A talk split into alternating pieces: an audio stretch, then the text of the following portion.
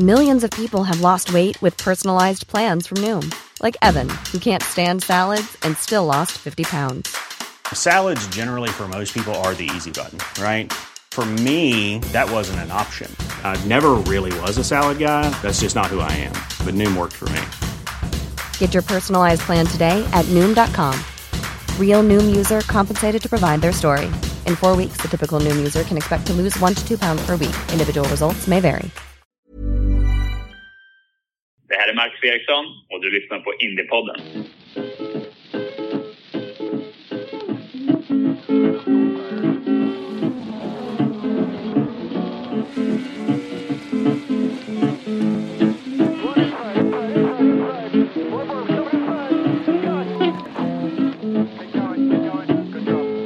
Said I wanna know where my easy rider goes.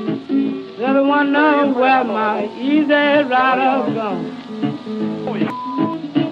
She's an easy rider, she'll ride not so long. Hej kära lyssnare! Hjärtligt välkomna till Indiepodden avsnitt 6.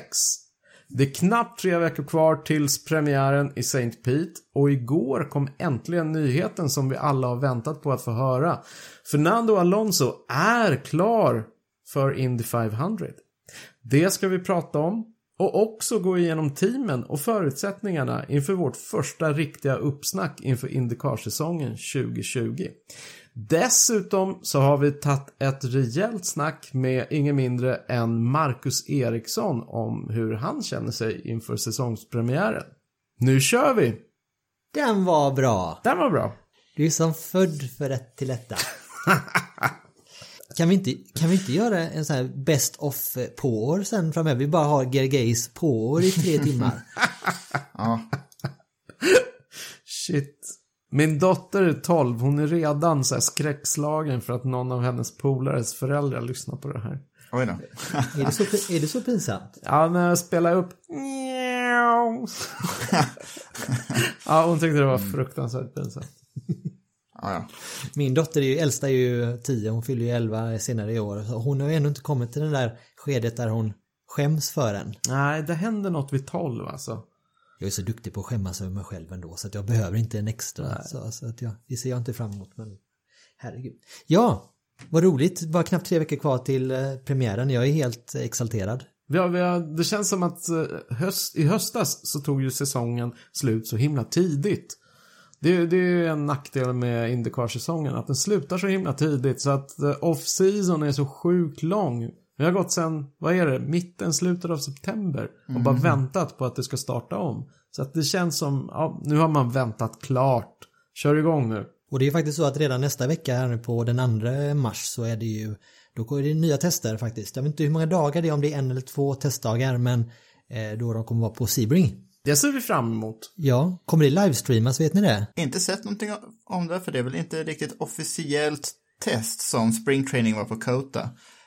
Eh, Men de flesta stallen ska ju vara där, så det kanske dyker upp något. Vi får hålla koll och om vi ser något så delar vi det i våra sociala medier förstås. Men nu kanske det är läge då att börja snacka upp säsongen på allvar. Så att jag tror att vi, vi har ju en hel del att prata om så vi kör väl så långt vi, vi orkar här idag och så eh, tar vi resten av teamen i nästa vecka. Vart börjar vi va? Vilken ände? Ja, ska vi inte börja i bokstavsordning? Jo, Kan vi göra? AJ Foyt. AJ Foyt. Där kan Just vi det. börja. Ett av de riktigt stora namnen på Chevrolet-sidan. så är det, men också ett av stallen med minst resurser. Men det, det här känns som, innan vi kommer in på detaljerna med AJ Foyt, visst, rätta mig om jag har fel, men det känns som att det här är ett stall som har gått lite kräftgång senast, eh, jag ska inte överdriva, senaste decennierna. Ja, sen Kenny Bräck lämnade, det är inte ett sammanträffande, tror jag faktiskt. Eh, Sen Kenny Bräck lämnade så har de vunnit två lopp. Senaste var i Long Beach 2013 med Takuma Sato. Eh, De har ju två väldigt stora namn i år.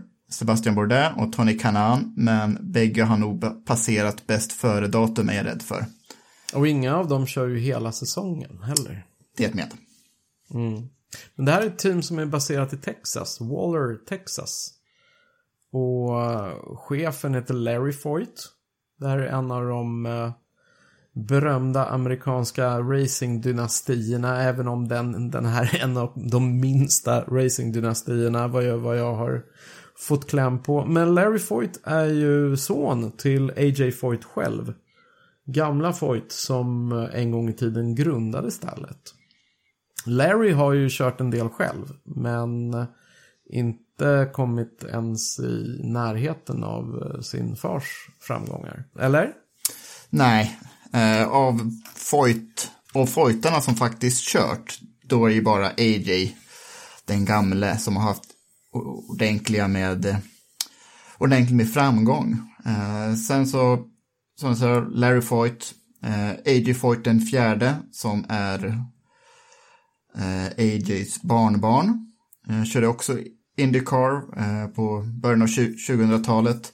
Men eh, av de 67 segrarna som Foyt-familjen tagit har AJ Foyt tagit alla 67. Så. Det är smått imponerande. Någonting annat som, som är väldigt imponerande med, med gamla AJ Foyt. Anthony Joseph Foyt Jr. som han hela namnet lyder. Det är att han har ett... Uh, han har två fantastiska rekord som jag har lyckats gräva fram i historieböckerna. Mm. Vet ni vilka? Uh, jag nämnde ju nu 67 segrar i flest. Du kanske tänker på något annat? Jag tänker på något annat. Han körde nämligen Indy 500 35 år i rad. Mm. Det, det, är ju, det är ju nästan obegripligt att föreställa sig en aktiv karriär som är 35 år gammal. Eller 35 år lång. Alltså finns det någon annan sport, någon annan idrottsman som, som skulle kunna konkurrera med det? Jag, jag, jag vet inte och någon av lyssnarna får gärna höra av sig och slå mig på fingrarna. Det kanske finns någon så här elitcurlingspelare i Japan som, som har spelat ännu fler, vad vet jag, eh, fantastiska curlingmästerskap. Inget ont om curling, det är säkert jätteroligt om man gillar det. Men, men jag, jag blev så djupt imponerad när, när jag när jag upptäckte det här. Alltså han var 23 år gammal när han 1958 kör eh, Indy 500 debuterade. Och sista gången han körde var han 58 år gammal. Eh, och det är, alltså det, det är i princip hela hans vuxna liv har han varit med på Indy 500 startlinjen. Det, det, det, är, så, det är så sjukt. Och sammanlagt så blev det 369 USAC och kartstarter. Det är också en hel del. Och det här är bara ett av hans imponerande rekord. För han har, han har ytterligare ett. Som, eh, som är väldigt svårslaget. Nu ser vi ju fram emot att, uh, att Alonso ska köra Indy 500 i jakten på den åtråvärda mm. Triple Crown. Och jag tror Jakob börjar humma här. Jag tror att du, vet, du vet vad jag är ute efter. Ja. Alltså AJ Foyt är den enda i motorsporthistorien som har vunnit Indy 500, Daytona 500, Daytona 24 timmars, Le Mans 24 timmars och Sebring 12 timmars. Ingen annan har den den sinnesrubbade kollektionen framgångar. Jag får lite gåshud bara man uh, hör, hör dig sä säga det. Det är ju fantastisk karriär AJ hade. Tänk om jag kunde läsa dem med lite rispig stämma. Så. ja. Ronny, har du någon kommentar på det facitet? ja, jag kan säga att han har ju hyfsat temperament också. Ja, ja. AJ, It was Jeff Andretti that got. Well, yeah, he's all over the goddamn track. You don't know where the hell he's going. And it was suspension problem that. Yeah, I kept from knocking him through the goddamn wall. I'm tired of this shit. Got people out there shouldn't even be in the goddamn race car. Men, men däremot om man tittar på, på deras, eh, den kommande 2020-säsongen för AJ Foyt och om man kollar på, på besättningen, de som faktiskt kommer sitta och ratta bilarna. Så det är som du sa Jakob, det är inte, det är inte folk som... Det, det är lite så känslan av att två av dem har ju passerat bäst före-datum, eller hur? Sebastian Bourdais och Tony Kanan. Mm. Det skulle jag faktiskt ändå säga. Det var två år sedan i och för sig bara som Bourdais vann lopp senast. Men förra året gick inte särskilt bra för honom och det var nog i en bättre bil hos Dale Coyne.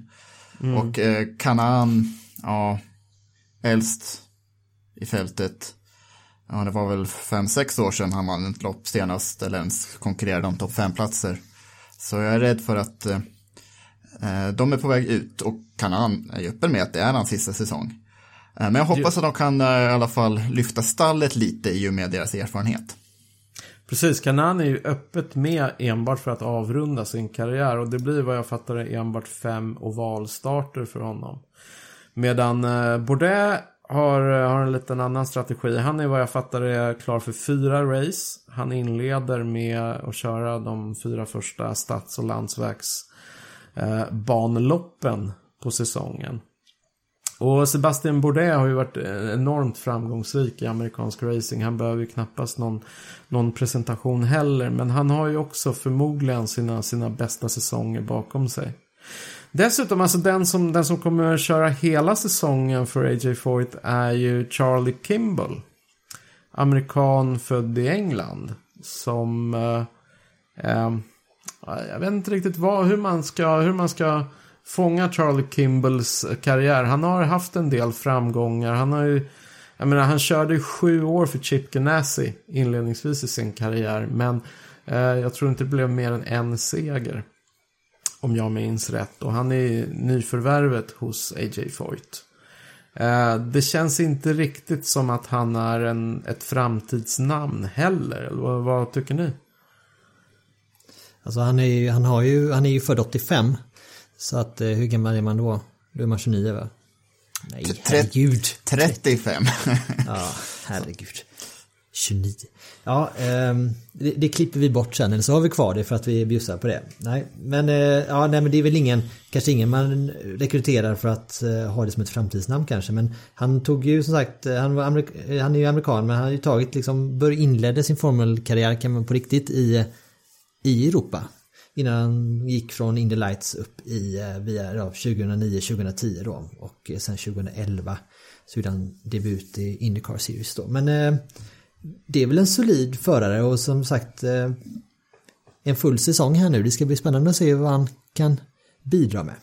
Den fjärde, fjärde namnet som dyker upp i AJ Foyts sammanhang är kanadensaren Dalton Kellett som eh, Indycar debuterar efter hela fyra säsonger på rak i Indy Lights. Och där har han en del framgångar med sig. Sammandraget har han inte lyckats bli bättre än sjua, vilket han blev de två senaste säsongerna. Och han kommer i princip att köra de race som varken Kanan eller Bourdais kör. Så att det är inte riktigt en full säsong för Dalton Kellett. Men, men det är ju ändå rejält, en, en rejäl chans att visa sig ordentligt för, för Indycar-publiken. Och eh, försöka prestera så att han blir ett stadigt namn i Indycar-fältet. Men det är väl kanske inte heller någon så här man har känt när man har följt honom i Indy Lights att det är något jättelöfte. Utan det känns också lite sådär, han är under den kanske absoluta crème de la crème. Så sammantaget tycker jag när man tittar på AJ Foyts så här fyra förare så känns det lite som en splittrad strategi. Så att det, mm. det blir väldigt intressant att följa AJ Foyt Racing och se eh, hur långt de här tillsammans lyckas ta teamet. Men det känns inte riktigt som att de har, de har segerchans liksom. Ja, det har ju varit lite orättvist i förra säsongen och de senaste säsongerna med just Tony Kanan för den, ja, vi tar, det, ja, tar vi 2019 års säsong så där AJ Foyt var då, de var ju Tony Kanan är inte så pass mycket efter som, som resultaten gav, eh, gav förra året. Så jag tror vi får, vi får väl se, han har ju fortfarande mycket, mycket att ge, han var ju, han blev trea i ett race. Ja, på Gateway. Lite, precis. Och jag tror inte vi ska räkna ut Sebastian Bourdais heller för han var ju, han, han har nog lite kvar men som du säger, bäst före-datum har ju passerat. Det, det är ju inte... Jag började räkna ut Sebastian Bourdais när han fick sparken från Toro Rosso. Det var tio år sedan ungefär. Nej, mer. ja. men det är bara jag. Vi har ett annat stall som bygger på en amerikansk racingdynasti. Andretti Autosport och nu får ni hänga med för de har sex bilar. De har nummer 26, Zach Veach, nummer 27, Alexander Rossi, nummer 28, Ryan Hunter Ray, nummer 29, James Hinchcliffe som kommer köra tre tävlingar och sen har vi Andretti Harding Steinbrenner, Autosport. Nummer 88, Colton Hurta. Lutande tag. Andretti Hurta Autosport with Marco Andretti and Kirby Gagnon. Nummer 98, Marco Andretti. Okej. Okay. uh, du med alla? alla som hittills är anmälda. Det kanske dyker upp någon till till Indy 500. Uh, det vore rätt det... kul om alla vore släkt med varandra också. Uh, nästan så. nummer, nummer, nummer 26, Zac Andretti. Nummer 27, Alexander Andretti. Nummer 28, Ryan Hunter Andretti. Ah. James Hinchcliffe, Hinchcliffe Andretti. ja, men de verkar vara tajta liksom. Hinchcliffe och Ross är ju väldigt goda vänner. Marco Andretti är också goda vänner med dem. Colton Hurt har ju liksom vuxit upp i stallet i princip. Han är ju fortfarande bara 19 år gammal. Um, hans pappa Brian Hurta och Marcos pappa Michael Andretti, de körde mot varandra på 90-talet i kartserien. De som jag absolut vill lyfta, det är Rossi och Hurta.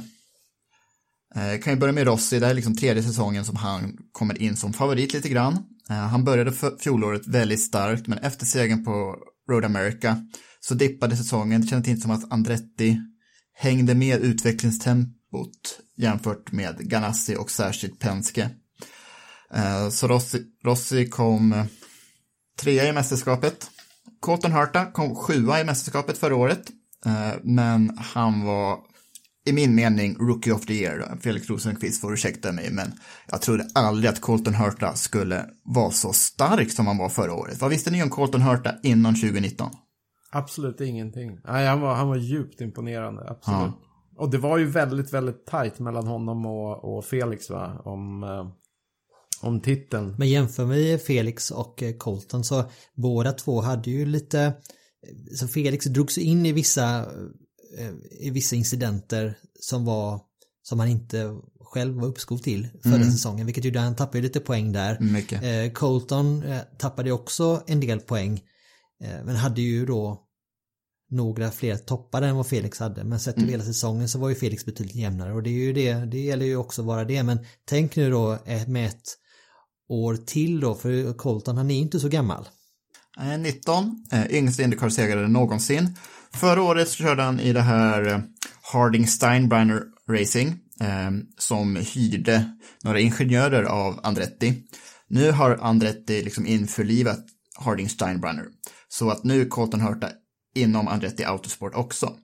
Eh, det finns nog bara positiva aspekter till det här, att han får vara med på alla deras ingenjörsmöten och så vidare och så vidare. Eh, mer data att ta del av. Och det otroligt fina avslutet på förra säsongen tror jag att han kommer bli livsfarlig så länge han inte pressar sig själv för hårt. Men han verkar vara en ganska cool kille från Kalifornien. Han spelar i ett band som heter The Sibs, eh, som är mycket inspirerad av Kalif kalifornisk garagerock. Eh, om, man, om man gillar Ty Seagull så kommer man gilla The Sibs också.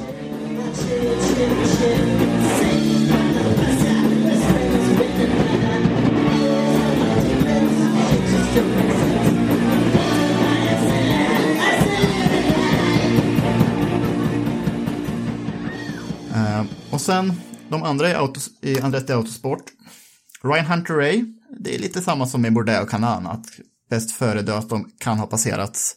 Han debuterade ju 2003 och varit med i Andretti sedan 2010. Stod som mästare 2012, för han Indy 500 2014. Kan också blixtra till och då, de gånger han väl blixtrar till, då undrar man ju varför är han inte så här bra hela tiden. Eh, men han, är lite, han har varit lite för ojämn genom sin karriär, men det, det kan nog bli någon seger till i karriären. karriären. Sen Marco Andretti då. Eh, han är född 86 tror jag. Eh, jag tyckte han var väldigt blek he hela fjolårssäsongen. Var han inte det? Jo, det är liksom poängen jag vill, jag vill ta med honom. För, att, förlåt att jag stal den. Men du har helt rätt. Han har aldrig liksom levt upp poten till potentialen han visade när han var runt 20 för 15 år sedan. Uh, han var ju på vippen att vinna sitt allra första Indy 500. Ehm, han blev slagen i en fotofinish av Sam Hornish Jr. år 2006, men så vann han ett lopp senare samma år. Men efter det har det bara blivit en enda seger till och det är nu nio år sedan. Ehm, men det Marco Andretti ändå är bra på, det är självdistans. Han är ju väldigt medveten om att han inte har levt upp till förväntningarna. Så han har gått tillbaka till skolbänken under vintern. Han, eh, för andra gången, gått med i Rob, Will Rob Wilsons Driving School i England. Rob Wilson är en sån här förarcoach, eh, förarcoach som har hjälpt en herrans massa förare. Eh, bland annat Lewis Hamilton. Men av alla förare som Rob Wilson träffat, då har han sagt att Marco Andretti har mest talang av alla liksom. Senaste gången Marco var där var 2013 och det var också hans bästa säsong när han kom femma i mästerskapet. Eh, så att, att Marco går tillbaka till skolbänken så här, jag tror ändå kan betyda att han kommer få ett uppsving i år. Det, det, låter, det låter på pappret bra. Men det låter också som, vad har man för självförtroende? Om man ändå befinner sig på den nivån och känner så här, nej jag måste tillbaka och bli coachen. Det är just självförtroendet som har varit Marcus problem genom hela karriären. Precis. Han, han, han hade pappa Michael som vann en herra massa Indycar-lopp. Sen har vi mm. farfar Mario som har ännu fler Indycar-lopp, världsmästare i Formel 1. Mm. Det är mycket som han har försökt levt upp till och det har inte gått hela vägen fram och så har han varit väldigt hård mot sig själv. Men han är ödmjuk, han blyg, så han gillar inte för mycket uppmärksamhet mot, mot sig. Eh, men han har talang, det är upp till bevis för i och för sig åttonde året i rad för honom. Jag såg en dokumentär om honom som handlade om att han hade köpt sin, sin, sitt barndomshem av sin pappa. För att han hade liksom flyttat tillbaka okay. till det huset där han hade vuxit upp som barn. Eh, och behållit hela inredningen och pappas gamla hjälmar och, och hela kittet. Det kändes nästan lite sådär spooky. Det kändes som någon som kanske någon, någon som vars, vars liv eh, släktens skuggor vilade lite för tungt över för att det ska vara helt hälsosamt. Men som sagt, jag ska inte psykologisera Marco Andretti, men det, det är verkligen upp till bevis. Och sedan har vi också Veach som kom in på tredje säsongen. Nog den minsta killen i fältet. Um, Hur liten är han? Ja, han är väl ändå 65 någonting. Shit, min längd. Underbart. Uh, Gjorde en otroligt imponerande debutsäsong för två år sedan eh, men fick inte oh. riktigt till det. Det blev lite mellanår förra gången så vi får se här nu hur om man lyckas rycka upp sig nu till 2020. Mm, Andretti Autosport har ju investerat ganska mycket till honom. Men det har hittills inte levererats så mycket från Säkvics sida. Och sen fallet James Hinchcliffe då. Han fick för ett par veckor sedan klart för tre lopp. Det kan bli fler. Vi snackade om Hinchcliffe förra veckan. Det är med Andretti som han har haft flest framgångar. Eh, jag tror särskilt att det ser lovande ut inför Indy 500 eftersom Andretti alltid, alla Andretti-bilar är alltid väldigt bra med på Indy 500. Får se om Hinchcliffe dyker upp lite oftare under säsongen. Han är i alla fall klar för Indianapolis Grand Prix, Indianapolis 500 och sen ovalloppet i Texas. Han kommer säkert komma till start hemma i Toronto också. En kul grej som jag tycker vi, vi också nämner innan vi lämnar Andretti bakom oss. Det är just Colton Hurtas eh, bil, Steinbrenner Andrettin. Det är kanske många som fortfarande inte har koll på att det är ju de här baseballmiljardärerna som finns bakom Steinbrenner-namnet. De äger väl New York Yankees va? Den släkten, ja. den familjen. Eh, och det är sonen där till eh, New York Yankees-ägaren som är den Steinbrenner som har åtminstone tagit en liten del av sin enorma förmögenhet för att satsa på Indycar. Och då tillsammans med Colton Hurta. Mm. Eh, så det är en rätt kul koppling mellan två sådär amerikanska ikoner. Eller hur? Baseball, New York Yankees och Andretti Autosport. Om vi går vidare till nästa team i uh, bokstavsordning då så är det ju inga mindre än Arrow, McLaren, Schmidt, Peterson. Och eh, det är ju intressant för vi, alltså, det var ju det teamet som Marcus körde med i eh, förra året då, Schmidt Peterson Motorsport. Eh, och i år då äntligen så har vi ju då McLarens definitiva comeback eh, i Indycar. senast, eh, ja, förra året var det ju med eh, Fernando Alonso under Indy 500. Det gick ju sådär kan man väl säga. Eh, Ja. Men de har ju ändå en historia i Indycar från, eh, ja, 1970 skulle jag gissa. Det stämmer bra det. Och sen fram till säsongen 1979 så hade McLaren ett fabriksstall i Indycar. Och sen så hamnade några gamla McLaren-chassin kvar och eh, i början av 80-talet. Men under 70-talet så var, han, var McLaren alltid med där och vann Indy 500 några gånger. Mm. Och förra säsongen så kördes ju, körde ju Schmidt Peterson med Honda-motorer. Och i samband med den här mergen nu då med Eh, McLaren så har teamet gått över till Chevy-motorer. För eh, den som kan er Formel 1 trivia så var det ju så att eh, Honda och McLaren har ju inte ett jättebra eh, förflutet här nu de senaste åren. Så att eh, det var väl en förutsättning för att detta skulle ros i hamn. Och eh, Marcus var det ganska tydligt eh, ganska tidigt på förra säsongen att han inte skulle få en fortsättning. James Hinchcliffe dock som är väldigt starkt kopplad till Honda i eh, Kanada och, eh, och USA eh, var ju lovad en fortsättning för han har, hade ju ett år till på sitt kontrakt. Men i mitten av november där någon, någon gång så eh, sa McLaren att tack men nej tack vi kör med eh, Pat Award från Mexiko och eh, Oliver Askew från Ystad säger vi. Jag tror det är bättre. Han är alltså, Oliver Askew är alltså svensk för han hans mamma är från Ystad.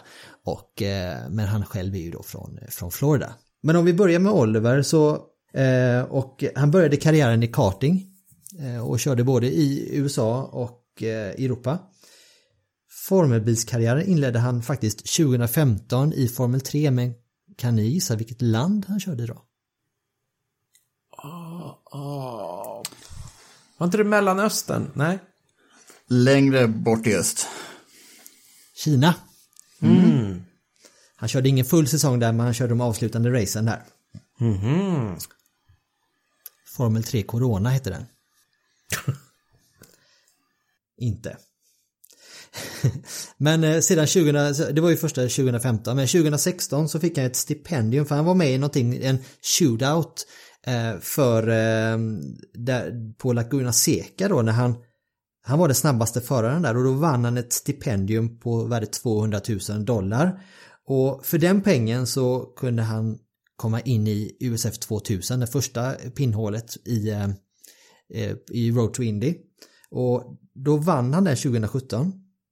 Och sen har han egentligen klättrat spikrakt uppåt. Han blev trea förvisso i Indy Pro 2000 och sen 2018 och sen så vann han ju då Indy Lights i fjol då när han körde för Andretti i stor stil får jag säga.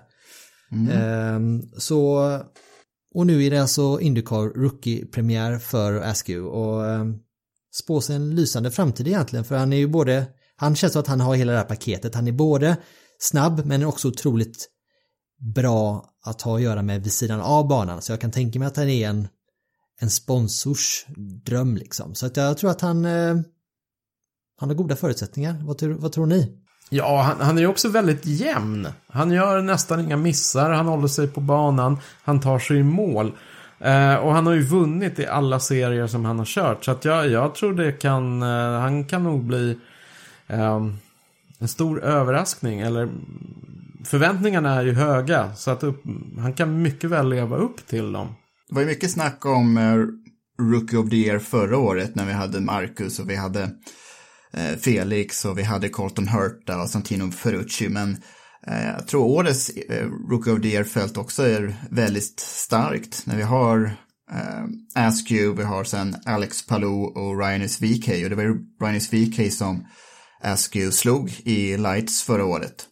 Eh, men jag tror att Askew kommer att blomstra när han sitter i en sån här eh, högkvalitativ sits. Eh, det ingår ju en hel del i, i att representera ett så stort namn som McLaren, men som, som vi säger, han har ju varit så himla jämn under juniorserien. Jag kollade på det, liksom, han har ju på tre år, på 48 lopp, så har han brytit två lopp. Och hur många andra som har kört tre år i juniorserier har bara brutit två lopp. Det brukar ju vara väldigt, gå väldigt stökigt till eh, när vi snackar tonåringar. Men det är ett enastående facit.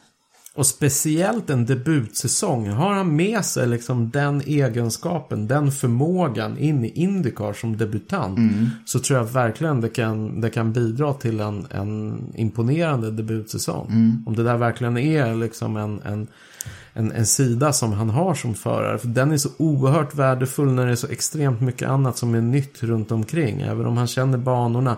Men det är ändå, ändå ett ganska stort steg upp till, till Indycar. Så Ja. Men vi, om vi säger att Oliver Askew har haft en spikrak karriär uppåt så någon vars väg in i Indycar inte har varit lika spikrak. Eh, och då handlar det inte om brist på resultat, tvärtom. Han har visat sig vara en vinnare både i sportbilar och i formelbilsracing. Men eh, Patricio Ward eh, från Mm. Mexiko, eh, Pat Award, eh, han vann Indy Lights-mästerskapet eh, före Colton Hurta för övrigt 2018. Mm. Eh, och gjorde även då i säsongsavslutningen där ett inhopp i Indycar den Mm. säsongen. Han tror han kvalade femma och blev nia i mål. Så att det var ju verkligen så. Och han hade ju faktiskt en styrning, en heltidsstyrning klar får man säga inför 2019 i just Colton Hurtas Harding Steinbrenner Racing. Men där, där sket det ju sig rent ut sagt med finansieringen där. Så att plötsligt stod han utan styrning för det blev Colton Hurta som fick den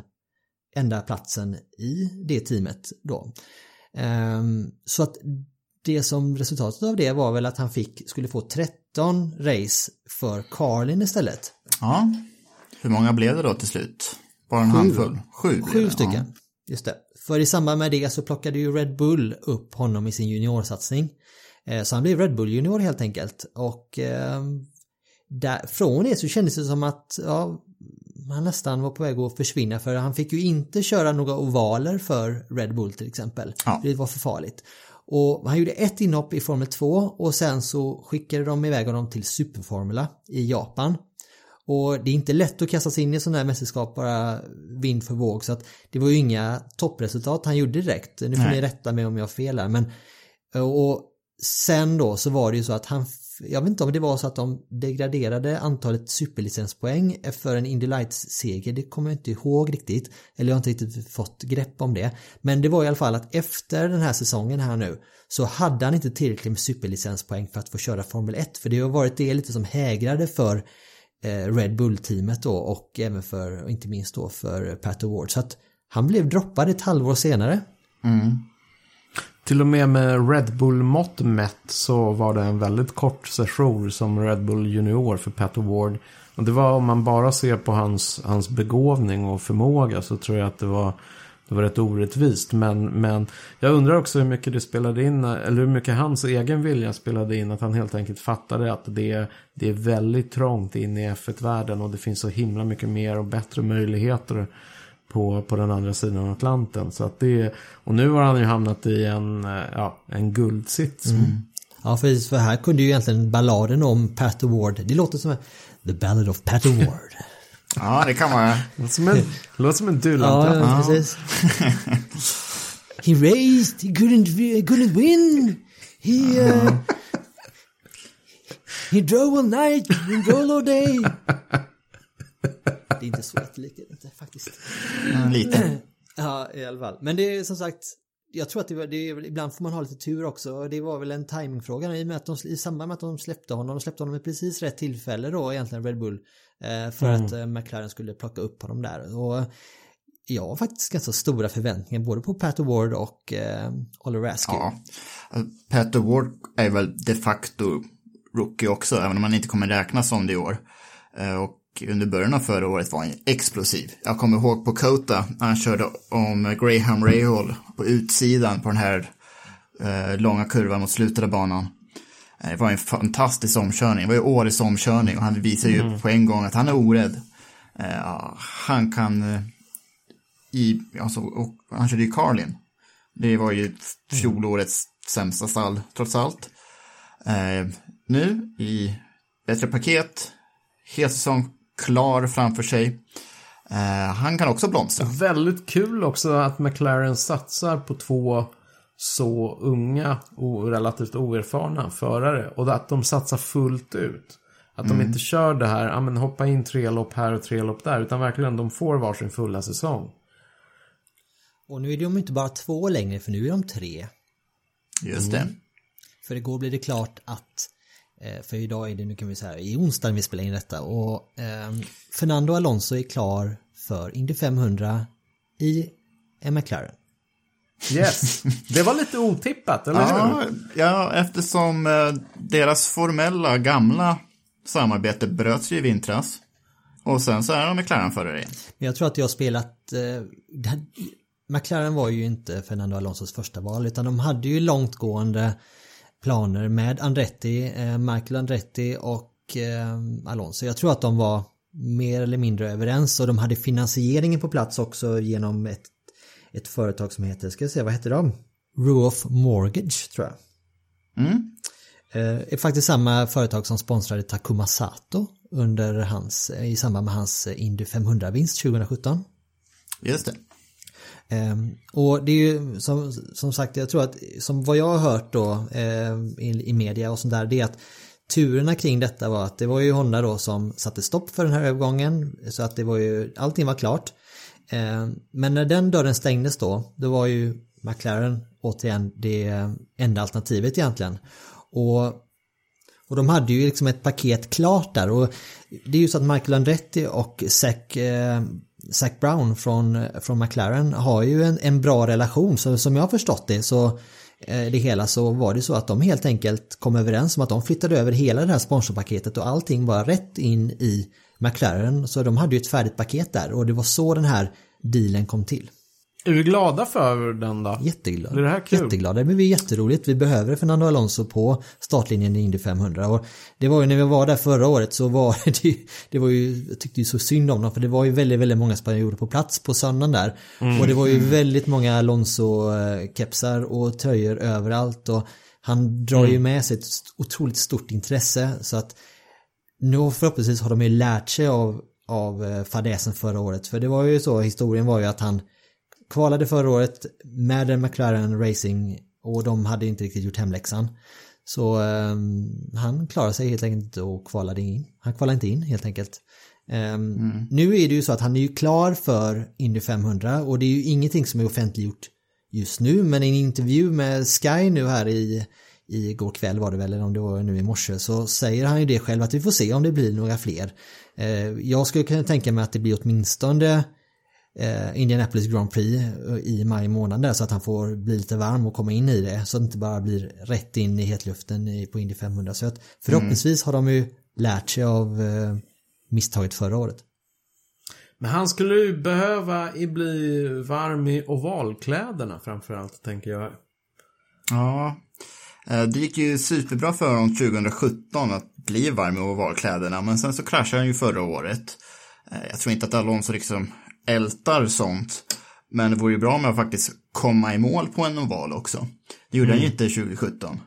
Eh, Men nu finns det inga ovaltävlingar innan Indianapolis i år. Nej, precis. Så, ja, får bara hoppas att alla tester går bra. Det är så att han kraschade förra året, det var väl på träning som han, eh, han kraschade. Precis, precis. Och fick börja om lite från början där med att ställa in Ja. bilen och sådär och det var, sen gick det som det gick. Ja. Vad tror vi om eh, möjligheterna i år då? Det är, så, det är så svårt att säga. Alltså, vem hade trott att det skulle gå som det gick förra året? Alltså, jag, jag tror att det kan gå åt båda hållen. Det, det beror på så himla mycket och det kan gå precis hur illa som helst. Det visade han ju i fjol. Eh, jag hoppas i alla fall att han finns med inkvalad när, när starten väl går den 24 maj. Men, eh, men jag, vågar inte, jag vågar inte sätta någon större summa pengar på det. Ja, Schmidt Peterson ehm, har historiskt sett varit ganska upp och ner på ovaler. Eh, 2016 tog James Hinchcliffe pole position på Indy 500. 2018 kvalade han inte ens in, men i nästa ovaltävling eh, på Iowa, då vann Hinchcliffe. Eh, så det kan mycket väl vara stallets dagsform som avgör.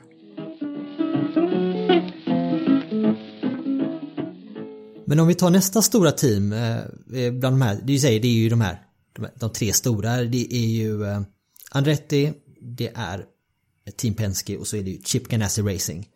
Chip Ganassi det är ju en, en institution i amerikansk racing. I över 30 år har de liksom varit ett av de mest framgångsrika racingteamen och egentligen en av de största franchise i eh, sportvärlden egentligen. Nu, har, nu kör de ju både i Nascar och i Indycar och de... Dessutom, förlåt att jag avbryter det, de har ju haft jätteroliga sportvagnssatsningar. Till exempel stått för Fords eh, stora GT-satsning på långdistansracing, sportvagnsracing. Det har varit jättekul att följa. Precis. Eh, just Indycar då, så förra säsongen gjorde ju eh, Felix Rosenqvist, den femfaldige Indycar-vinnaren Scott Dixon sällskap i, i teamet. Och visst måste man väl säga det att Felix borrade ner huvudet och rompen i den stolen så att eh, han kommer nog inte flytta på sig på några år för han, han blev årets rookie. Han, fick en, han tog en sjätte plats i mästerskapet. Två andra platser, en pole position och en fastest lap. Eh, det var egentligen bara en seger som fattades egentligen för att hans säsong skulle varit en fullständig jackpot. Ja, eh, jag vet inte om jag håller med riktigt om det. Det blev några krascher. Eh, särskilt tidigt på, på säsongen under träningar och så. Eh, kraschen på Indianapolis och sen på Pocono, det var absolut inte hans fel. Eh, men det var dock kraschen i Detroit. Och det såg, såg segt ut på ovalerna. Men mot slutet av säsongen gjorde han allting rätt på road courses. Uh, och Mid-Ohio alltså, kommer ni ihåg det sista varvet? Mm.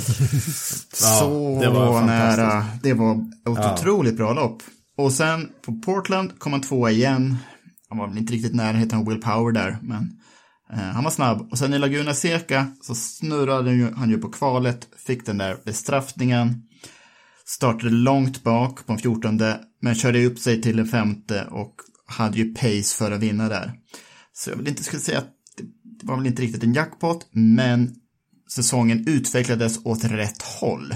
Precis, han, han bygger ju sin, eh, sin karriär härifrån så att säga, men man vet ju att Chip hade ju, hade ju ögonen på Felix långt innan. Ja. Eh, 2019. Så att det var ett väldigt genomtänkt val. När de skrev på ja, ett absolut. flerårskontrakt med Felix. Och, men jag håller med, det fanns ju såklart missar. Eh, hos, eh, hos honom. Men, men sådär. Säsongen utvecklades definitivt åt det hållet man ville att det skulle utvecklas för Felix. Och han fick verkligen möjlighet att visa sina, sina absoluta styrkor på ett bra sätt under säsongen. Så att Ja, jag tror som, för att återknyta till hur eh, det Ronny sa inledningsvis, jag tror han sitter nog ganska säkert där ett tag framöver. Sen så får han ju visa om han är den som ska axla den här, den här eh, tunga manteln den dagen eh, den dagen som Scott Dixon väljer att lägga av. Och det som är lite roligt här nu med eh, Chip Ganassi eh, inför den här säsongen det är att de har ju kört med en två, tvåbilsatsning här nu i, i några år. Om man jämför med de andra stora teamen så är ju alltså både Penske och Andretti kör ju som sagt mellan med för tre till ja, fem, sex bilar per, per race då. Mm. Så att det blir ju i viss mån ett handikapp för när du har många bilar så, så du, dels så är du, tar, du, kan du ta, potentiellt ta väldigt många poäng. Eh, du har också möjlighet att köra helt andra program och helt andra upplägg på en, en racehelg där du kan testa olika saker, du kan fördela eh, fördela testerna och jämföra data och på så sätt komma fram till den bästa möjliga setupen då. Eh, de har ju kört eh, ett IMSA-program som du var inne på GG förut. Ehm, och i samband här nu med att Ford drar sig ur där så lägger Chip Ganassi ner sin IMSA-satsning. Vilket gör att de har ju massa talang, massa personal som just nu har liksom stått utan någonting att göra.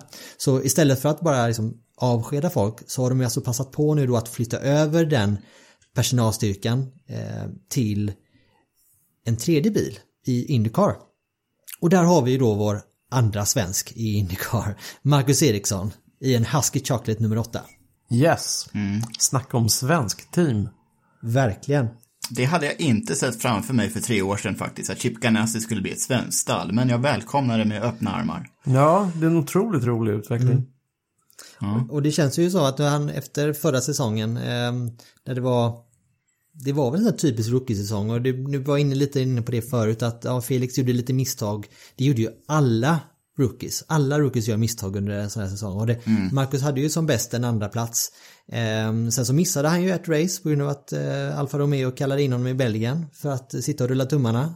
Det känns, jag tycker verkligen att han förtjänar detta och det ska bli så roligt att se två svenskar i samma team. Det, det, det är inte bara då, det är inte bara att man håller på förare utan man kan identifiera sig och hålla på ett team också. Det blir, ja, det blir, känns riktigt, riktigt kul alltså. Känns jätteroligt och tänker alla diskussioner som genom åren har förts om, eh, om eh, de här två killarna, Marcus och Felix och vem är bäst och vem är snabbast och vem är starkast här och där. Och nu äntligen får de i samma högsta tänkbara klass eh, och dessutom i samma toppteam i varsin vinnarbil. För det här är ju vinnarbilar de sitter i bägge två. Alltså där är, ja. Man måste ju liksom nypa sig i armen för att fatta hur stort det här är. Mm. Två av sin generations absolut bästa svenskar i samma toppteam. Det, det är, jag menar det är så osannolikt. Och ändå så får vi uppleva det här. Det, det är väldigt coolt. Och vi har ju faktiskt, apropå Marcus Eriksson där nu, så har vi ju fått eh, en lyssnarfråga eh, angående vem som kommer vara Marcus eh, racingingenjör den här säsongen. Och frågan kom från Mattias Malmén i Örebro. Och vi funderar på vem, vem är bäst att svara på den frågan och det finns egentligen bara en som är kvalificerad att besvara våra sköna lyssnares frågor tycker jag. Marcus Eriksson, välkommen till Indiepodden. Tack så mycket. Hur är läget så här tre veckor innan, knappt tre veckor innan säsongspremiären? Jag tycker det är bra. Eh, full fart såklart med förberedelser. Både med teamet och med själv och träning och allt vad det kan vara. Och för mig som är i ett nytt team så gäller det ju liksom att försöka lära känna alla de människorna man ska jobba med under året. Och den processen tar ju alltid ett tag. Och, eh, det gynnar ju för mig att jag är bosatt i Annapolis så att jag kan liksom vara på teamet så mycket som möjligt. Och jag har varit där nästan var och varannan dag här i sista månaderna. Så ja, det är full fart, men som sagt riktigt, riktigt roligt att det snart är dags för, för säsong på riktigt så att St. Pete verkligen eh, ja, kommer igång.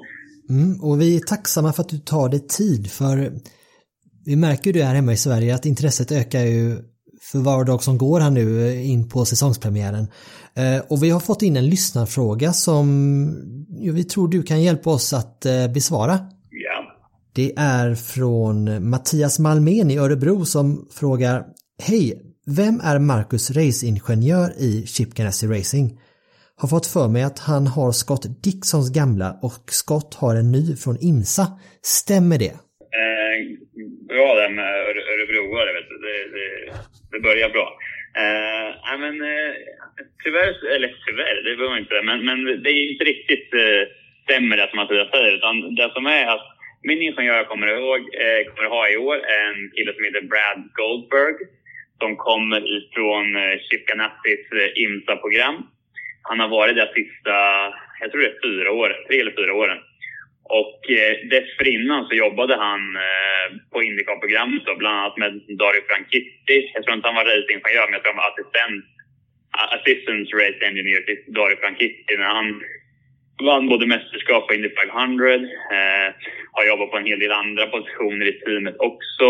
Och sen så var han racingingenjör för Charlie Kimball när han körde för Chip Ganassi Racing för några år sedan då, innan eh, Brad började på IMSA-programmet. Då. Eh, men Brad har faktiskt varit med eh, Chip Ganassi Racing hela vägen från han gick ut college. Då. Så jag tror han har varit där någonstans 18 till 19 år. Då. Så han har lång erfarenhet med teamet och, och så vidare. Men eh, kom tillbaka från några år i IMSA och är jäkligt taggad på, att vara tillbaka i Indycar. Eh, och det som Mattias är inne på lite där med Dixons ingenjör och så vidare, det stämmer delvis. För att även Scott Dixon har ny ingenjör i år. Och eh, en kille som heter Mike Cannon som kommer från Dale Coin eh, Racing som har blivit värvad av Chip Ganassi Racing och kommer gå in som Scott Dixons racingingenjör. Och Scott Dixons racingingenjör är en kille som heter Chris Simmons, eller hans förra racingingenjör. Han har gått upp en position, ett pinnhål och blir nu en så kallad chefsingenjör med lite mer eh, översikt över alla bilar och eh, ska se till att alla, ja, eh, lyckas och så vidare. Så han får lite mer övergripande ansvar. Så, så ser eh, upplägget ut på ingenjörssidan för, för Ganassi Racing i år. Då. Men om vi hoppar över till eh, springtraining på Kota nu här för ett par veckor sedan och eh, får, innan jag säger någonting mer så måste jag säga att Husky Chocolate nummer 8 snyggaste liveryn på griden. Ja, men det håller jag med om. Det, det är riktigt, eh, riktigt snygg design och dessutom ännu snyggare i verkligheten. Eh, den står verkligen ut på banan och sen eh, dessutom att den, den här rödvita bilen, eh, Eh, det är också att den, syns väldigt bra och sticker ut. Och sen mig personligen så är det jättekul att få representera ett, eh, ett svenskt företag som eh, satsar hårt och verkligen är på offensiven och liksom verkligen är på frammarsch i motorsportvärlden. Både i Formel 1 och med McLaren och Alfa Romeo men även då ja, med, med mig och Indycar och även en del andra eh, motorsportsatsningar och även sportsatsningar. Så det är ett roligt företag att få representera och det ska bli jättekul Och, eh, följa deras resa och, och vara med där då. Men nej, som du säger, det är en riktigt snygg bil som verkligen kommer stå ut här under, under året. Vilka målsättningar hade ni som team inför testet? Ja, vi hade ju ett rätt så späckat eh, testprogram planerat och så som vi hade lagt upp det så hade vi eh, egentligen tre olika program. Först, först skulle jag första halvdagen liksom komma in lite i körningen och känna att allt funkar med den här nya bilen eftersom jag aldrig har kört den innan. Så det var min, min första eh, del av, av testerna. Sen så skulle vi gå in i egentligen tre olika program där en bil skulle fokusera på dämpare eh, och, och, springs och en bil skulle fokusera mer på aero-kombinationer eh, eh, och en bil skulle vara mer på eh, suspension, geometry och sådana saker. Eh, så, så, vi hade tre olika testprogram som vi skulle liksom jobba med och sen skulle vi sammanstråla någon gång under dag två då för att försöka få, få, få till den bästa eh, setupen. Då tyvärr så ställde ju vädret till det eh, rätt rejält. Det vart ju bara en halv dags körning egentligen där på dag två då. Så det vart väl eh, papperskorgen i, i stort sett helt hållet med det här programmet och istället så vart det fokus på att bara få, få så mycket varv som möjligt och för oss som team att få lite känsla över hur den här nya aeroscreenen beter sig och vad den Eh, gör med, med känslan i bilen och setup och så vidare. Och eh, det kan man väl säga direkt att det var en rätt så stor skillnad med hur, hur bilen betedde sig i change of direction och även att man känner att den här vikten som tillför eh, med den här aeroscreenen, man känner av en lite mitten på kurvorna, att det är lite mer vikt som förflyttas. och Så, ja, eh, det, det, var en del grejer som man fick ta med sig, men överlag tycker jag det var ett positivt test. Eh, fick ändå en, en hel del bra med varv där under dag två och eh, kände mig bra, komfortabel liksom med bilen. Hade dock lite problem med att den ratten som eh, Chip Ganassi har gjort egentligen två typer av ratt. En som Dixon använder och en som Felix har använt. Då. Och ingen av de versionerna tyckte jag att jag trivdes med. Så det var väl egentligen det största problemet som jag höll på med där under, eh, under testet och försöka bli komfortabel med det eh, och lyckades väl inte riktigt bli det. Eh, men nu efter testet då, så har vi tagit fram någon hybridversion där mittemellan de två som jag ska få använda till, till nästa test. Och nu är det som sagt knappt tre veckor kvar till säsongspremiären.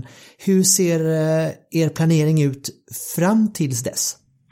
Ja, vi åker till Sebring nästa vecka och testar då, eh, måndag den andra. Och där hoppas vi på, på bra väder och torrt väglag så vi kan köra en hel dags test. Och det viktigaste först och främst är väl att jag är helt komfortabel med, med ratt och stol och pedaler och allt sånt. Och det är väl steg ett. Och det hoppas jag och tror att vi kommer vara. Vi har lagt mycket tid på det nu i fabriken efter, efter Kota. Då. Så det är väl eh, nummer ett. Och sen, sen gäller det för oss att jobba med depåstopp. Det är en del nya killar på, på min bil som måste eh, träna på det.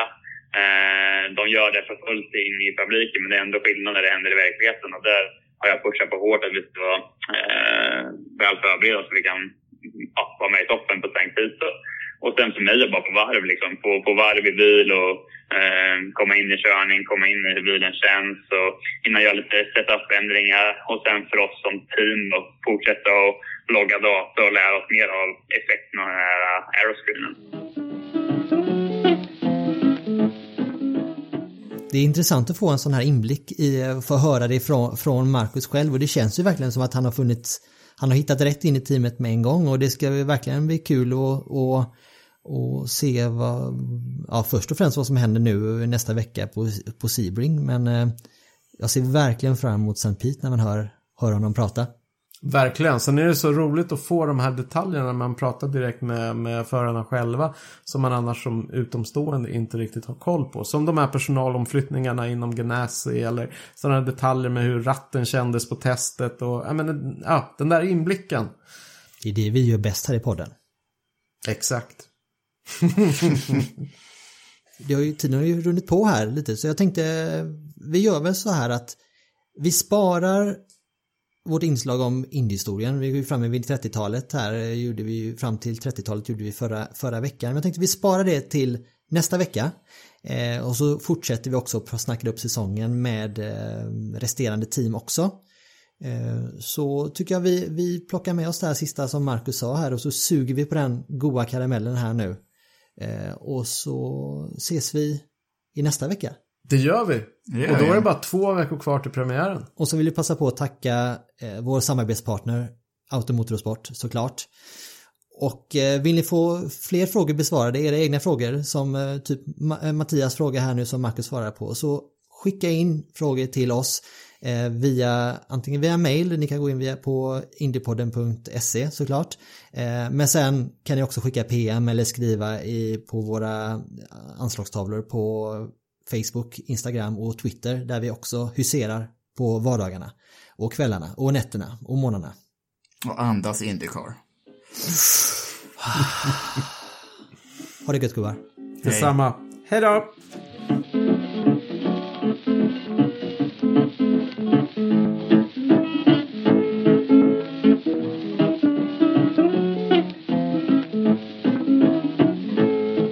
I wanna know where my easy rider gone.